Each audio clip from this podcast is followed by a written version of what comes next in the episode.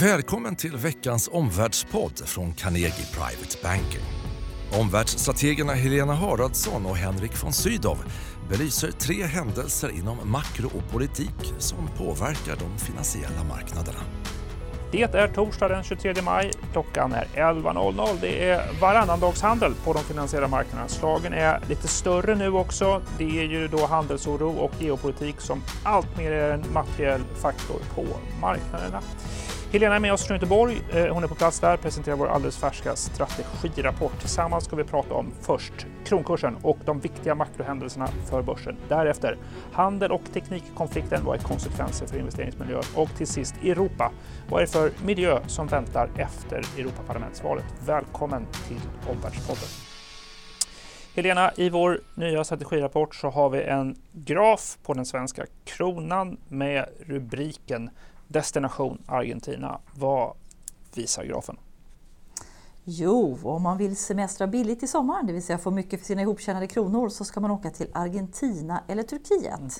Många vet att kronan är den svagaste mot euron på 10 år och mot dollarn så är den den svagaste eller lägsta nivån på 17 år. Mm. Men om vi då som i grafen kikar på vilka valutor som har fallit mest mot dollarn i år, då hittar vi först krislandet Argentina och deras peso ner runt 17 procent. Mm. Sen hittar vi turkiska liran, också ett land i kris. Och båda länderna behöver egentligen då IMF-stöd. Sen har Erdogan tackat nej till detta. Men på tredje plats mm. för stora valutafall, där har vi kronan. Just det. det är vad grafen visar. Ja, och om vi då skulle, om vi har en eh, blick mot framtiden, vår prognos på det här nu när kronan är så väldigt svag. Eh, vad är huvudsynen? Tror vi på en starkare krona framåt? Nej, tyvärr. Vi tror svag kan bli svagare. Eh, det första är den handelsoro som kan pressa svensk ekonomi. Mm. Exportberoende och små illikvida valutor blir mer ointressanta i orostider. Då blir ju dollar och yen säkra hamnar där man söker skydd. Och för andra då, Riksbanken har ju trots allt minusränta. De får ökad kritik nu i olika medier och från olika håll. Men de står väldigt tydligt fast vid sin tolkning av det här 2% inflationsmålet. Mm. De står på sig, förtroendet är svagt, kronan faller och faller och Riksbanken nästan välkomnar detta. Mm. Eh, lite intressant, nästa räntebeskedsmöte är ju den 3 juli. Och då får vi ju se, kommer Riksbanken återigen då i sina prognoser att tro på en starkare krona? Eller ändrar de det? Gör de det? Då kan det bli så att de höjer inflationsprognosen och i så fall skulle en räntehöjning komma närmare än vad man tidigare har trott. Mm, just det. Kronkursen och effekterna för Stockholmsbörsen, Varms verkstad som är en tung sektor, borde ju gynnas av en svag krona, eller hur? vad ser du för observationer?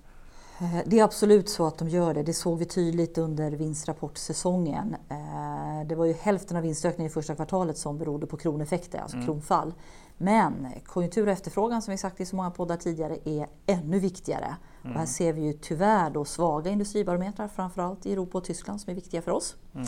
Eh, och faktum är faktiskt att vi är ju försiktiga till aktier men, och föredrar då hellre utländska framför svenska. Och det finns ju en rad skäl till det, varav kronan är en.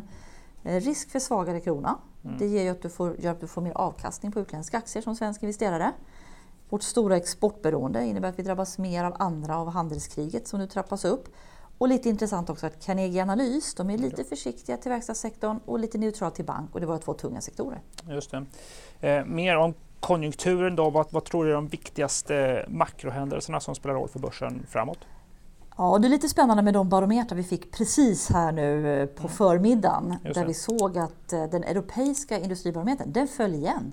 50 mm. en kritisk nivå, expansion, kontraktion. Vi ligger under 48. Oj. Tyskland föll igen, de ligger runt 44. Mm, även, den, äh, även den egna barometern, tyska IFO, är väldigt svag på nuläget, lägre än förväntat. Frankrike var något upp, ligger runt 50. Men man kan säga så här, Europas industri är svag. Bygg är lite bättre mm. och mm. tjänstesektorerna är okej. Okay. Det kom också en japansk barometer, den var blandad men svag. Vad jag tror framåt, då är det så här, hur kommer den amerikanska industribarometern in? Och då tittar jag mycket på den som heter ISM, som alltid kommer första vardagen i juni, så det blir 3 juni. Eh, annars så blir det, eftersom valutor och centralbanker är mycket i fokus, vart tar inflationen vägen? Vad säger mm. centralbanker? Och där är Fed viktigast och de håller tal lite kontinuerligt. Det. Och det här kan få effekt på både börs och valutor. Just det. Mycket intressant. Eh, om du skulle ha en kort slutsats om eh, framförallt kronkursen då? Ja, då blir det att eh, den kan falla mer, svag kan bli svagare och det är ett av skälen till att vi just nu underviktar svenska aktier.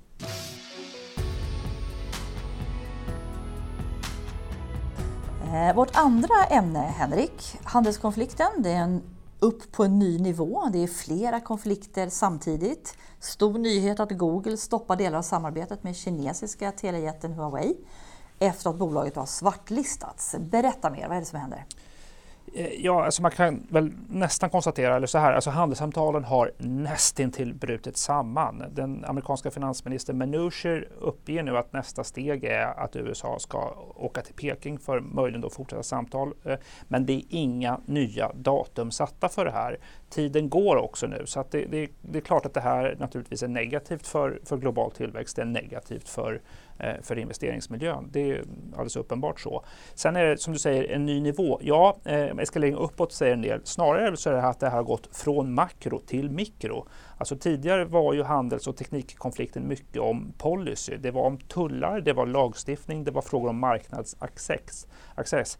Nu har det tagit mer sikte på enskilda bolag och, och det där gör det ju svårt för marknaden så att, säga, att bedöma det här och prisa in risker. Alltså det kommer vara osäkerhet om vilka sektorer, vilka produkter, vilka bolag kan träffas av olika så att säga, embargo och svarsåtgärder. Eh, ja, det är ju då mycket uppgifter om att det kommer att vara fler kinesiska bolag som kan svartlistas, eh, till exempel videoövervakningsbolag. Men jag tror en slutsats är väl så här, liksom att vi vet att politiska faktorer i den här miljön blir en viktigare faktor. Nationell hemvist på bolag spelar en större roll och det där ger en mer besvärlig investeringsmiljö och affärsmiljö för både investerare och för bolag. Det finns ju en trend som kallas för decoupling, alltså att världen delas upp teknologiskt eh, mellan USA och Kina. Där. Eh, det är mycket som är problematiskt med det här. Samarbeten med kinesiska teknikbolag blir mer riskfyllt. Det är utmanande och besvärligt i, i eh, ja, både en ekonomi men också då i särskilda ekosystem som är ja, liksom tätt sammanflätande. Det kan försvåra och försena så att säga, så här, teknologisk utveckling och fördyra produkter för eh, konsumenter. 5G-nätverkets utbyggnad tas som mm. ett exempel på det här. Mm. Det finns säkert fler. På temat Ja, på temat åtgärder då, Henrik, och kinesiska svarsåtgärder till det här amerikanska teknikombargot. Vilka åtgärder kan Kina vidta som hämndaktioner? Kan du ja, insikter? Ja, det är svårt. Alltså, det, det, eh, eh Huawei är ju en väldigt stor kinesisk spelare. Ska Kina svara så måste det vara eh, proportionerligt och man kan ju befara då ganska kraftfullt. Det, det, har, det, finns flera möjliga åtgärder man kan tänka sig. De skulle kunna höja tullarna ytterligare till exempel, till exempel för jordbruksprodukter och bilar. Samtidigt så slår ju det delvis mot den egna kinesiska inhemska ekonomin. Eh, det kan bli så att säga, tuffare tag mot amerikanska och utländska företag i Kina. Man vet att Kina har gjort, gjort en stor stor razzia mot Microsoft för ett par år sedan. Eh, Kina kan komma att uppmana till bojkott mot till exempel iPhone och Apple-produkter. Det slår också delvis mot så att säga, inhemsk produktion av de här grejerna. Eh, det man ser tecken på det är ju att det blir så att säga, mer tullbyråkrati för amerikanska bolag och utländska bolag också. Mer inspektioner, mer oanmälda inspektioner, längre tid att få licenser för, för utländska företag. Det där kommer ju också då, ah, det backfire lite grann för det påverkar intresset att faktiskt då investera i Kina jämfört med andra länder i Asien som blir mer attraktiva i så fall och, och för amerikanska bolag kanske också Mexiko. Så att eh, ja, det, det som det har skapat mycket uppmärksamhet i, i media har jag noterat är just det här också då förstås att eh, Kina kan möjligen strypa export importen av sällsynta metaller eh, som är viktiga just i teknikproduktion och, och batteriproduktion mm. och, och, så vidare. Som investerare då Henrik, vad ger du för råd? Vad är nästa key watch point i handels och teknikkonflikten? Nu är det ju nyhetsflödet som styr mycket av det här eh, och som påverkar marknadsläget nästan varje dag. Uppenbart att spana efter datum. När kan USA och Kina träffas och prata ett handelsavtal? N när kommer besked om detta? Om kommer, kommer verkligen ett besked om det här? Jag tycker man kan spana också efter så att säga, dialogen mellan Trump och Xi. De har ju tidigare varit, eh, haft en ganska varm relation och nära relation och, och, Trump har ju tidigare använt just den relationen för att, så att säga, eh, kyla ner konflikter och då också eh, lugna börser och marknader. Så att det mm. tycker jag möjligen saker. Alltså Trumps Twitterkonto förstås då, alltså alla får samma information samtidigt. Det driver ju faktiskt eh, marknaderna. Mm. Och du ska ge en kort slutsats till de här konflikterna, Henrik. Geopolitiken bidrar till en mycket tuffare terräng på marknaden. Det är många mörka moln just nu. Det, marknaden kommer pendla mellan hopp och förtvivlan. Det, det bidrar till större slag på börserna. Vi har ju tredje ämne också i dagens podd, val till Europaparlamentet på söndag. Eh, vilka effekter där ska investerare ha koll på? Ja, vi pratade kort om det tidigare, förtjänar att upprepas. Jag tror kolla mycket på inrikespolitiska effekter, vilken feedback Europaparlamentsvalet ger i de stora ekonomierna i Europa. Vad händer med Merkels ledarskap om CDU går dåligt? Vad händer med Salvinis momentum i Italien? Om hans parti Lega får ett väldigt starkt valresultat och kanske blir största parti i Europaparlamentet med flest antal parlamentariker. Han kan vilja utmana EUs budgetregelverk ännu mer då han får råg i ryggen för detta. Det kan pressa euron. Kolla också kanske då på Frankrike. Hur går det för Macron jämfört med Le Pen? Skulle Macron bli svagare så slår det mot hans momentum för att göra ekonomiska strukturreformer i Frankrike. Så inrikespolitiska effekter kan, kan spela roll. Mm. Men det är en annan viktig period också Henrik. Man ska utse ny ECB-chef. Juncker på EU-kommissionen ska få en ny efterträdare. Och vad betyder Europaparlamentsvalet för makten över EUs institutioner? Alltså investerare gillar ju lugn och ro, förutsägbarhet, institutionell stabilitet är investerarens intresse. Det finns en risk när man nu ska ha det här eh, maktskiftet och, och vaktombytet i Bryssel att institutionerna politiseras ännu mer i den här miljön. Vilket gör, kan göra det svårare för dem att, att fungera, agera och också kommunicera till investerare och marknader. Det gäller inte minst i händelse av av, av, kriser då, som vi har sett med migrationskris och finanskris. Eh, så att, eh, ja, det blir väl ett mer fragmenterat parlament. Högerpopulister flyttar fram positionerna, räknar med bråk vid de här mm. utgivningarna. Det kan bli en utdragen period med en osäkerhet om vem som blir ny ECB-chef och vem som blir ny chef för, för, för, för kommissionen. Första november ska vi ha en ny chef för ECB och kommissionen på plats. Mm. Det var ju ett visst fokus inåt Henrik, men samtidigt så händer det saker i omvärlden. Det. Dels både Brexit, mig och sen har du biltullar och du har en tilltagande global handelsfriktion. Några ytterligare kommentarer? Ja, men det är just detta, det är både då så att säga, eh, eh ett tryck på intra-EU-relationer som Europaparlamentsvalet triggar. Samtidigt så har vi både Brexit, vi har biltullar, precis det du nämner. Eh, jag tror att Eh, det kan bli en besvärlig tid för, för Europa de närmaste sex månaderna när vi har de här känsliga valprocesserna till institutionerna på gång. Eh, möjligen kan man säga att tidigare har det varit så att just ett externt tryck har faktiskt eh, funkat bra för sammanhållningen i EU. Eh, mm. Det har fört samman länder. Vi får se om det är giltigt också, också om, om det håller också under sommaren.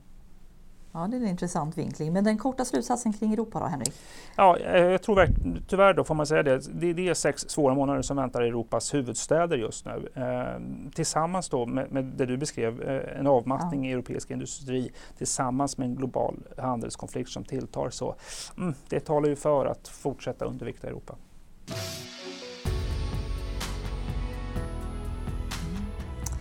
Så dagens tre slutsatser från podden då. Nummer ett kronan kan falla mer. Vi underviktar svenska aktier, det är en av skälen. Två, eh, många mörka geopolitiska moln kan ge en slag i börs framåt. Och den tredje slutsatsen, det väntar sex svåra månader för Europa. Så var försiktig till europeiska aktier, det är vårt råd. Nästa torsdag är det Kristi himmelsfärdsdagen, så nästa omvärldspodd släpps istället den första veckan i juni. Då kommer vi prata mer om vår nya strategirapport. Eh, terrängen är ju som sagt ojämn på marknaden. Behovet av att vara redo att gira ökar. Välkommen att lyssna då på vårt samtal och tack för uppmärksamheten idag. Tack för att du har lyssnat på Omvärldspodden från Carnegie Private Banking. Vill du veta mer om vad som händer i vår omvärld och få aktuella idéer till affärer? Gå då in på www.carnegie.se veckans viktigaste och prenumerera på vårt nyhetsbrev.